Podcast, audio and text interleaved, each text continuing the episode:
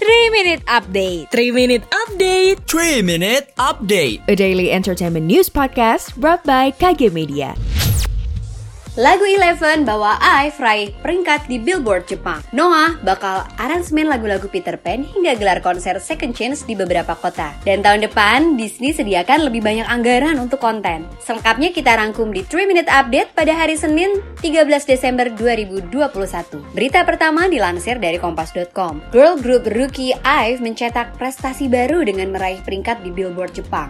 Pada Minggu 12 Desember 2021, Billboard Jepang mengumumkan bahwa grup IVE memulai debut dengan masuk dalam chart artis 100 dan Hot 100. IVE dilaporkan telah mencetak prestasi baru dengan meraih peringkat 57 dalam kategori Artist 100. Kemudian mereka juga meraih peringkat 54 dalam kategori Hot 100 lewat single lagu Eleven. Selain itu, single lagu tersebut juga menduduki puncak pertama di Top User Generated Songs Billboard Jepang. Baru-baru ini, IVE dinobatkan juga sebagai girl group yang meraih penghargaan tercepat setelah debut.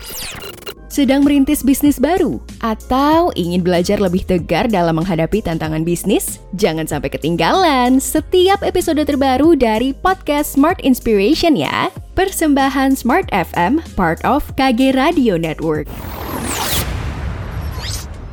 Kita beralih ke berita selanjutnya. Dilansir dari grid.id, jelang perayaan HUT ke-126 PT Bank Rakyat Indonesia atau BRI kembali menggelar acara dengan menggandeng Noah untuk berkolaborasi. Dalam kolaborasinya kali ini, BRI dan Noah telah mempersiapkan peluncuran album Second Chance Taman Langit serta rangkaian konser musik untuk tahun 2022.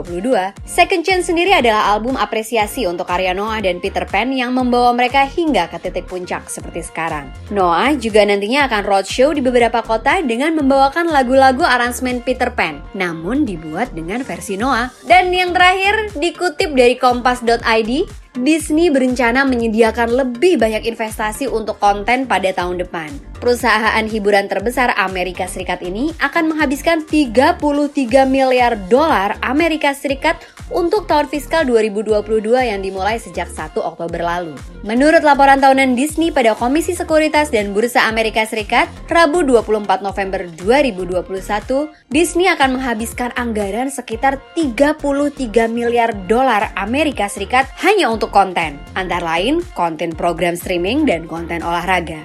Jumlah ini lebih banyak 8 miliar dolar Amerika Serikat dibandingkan tahun 2020.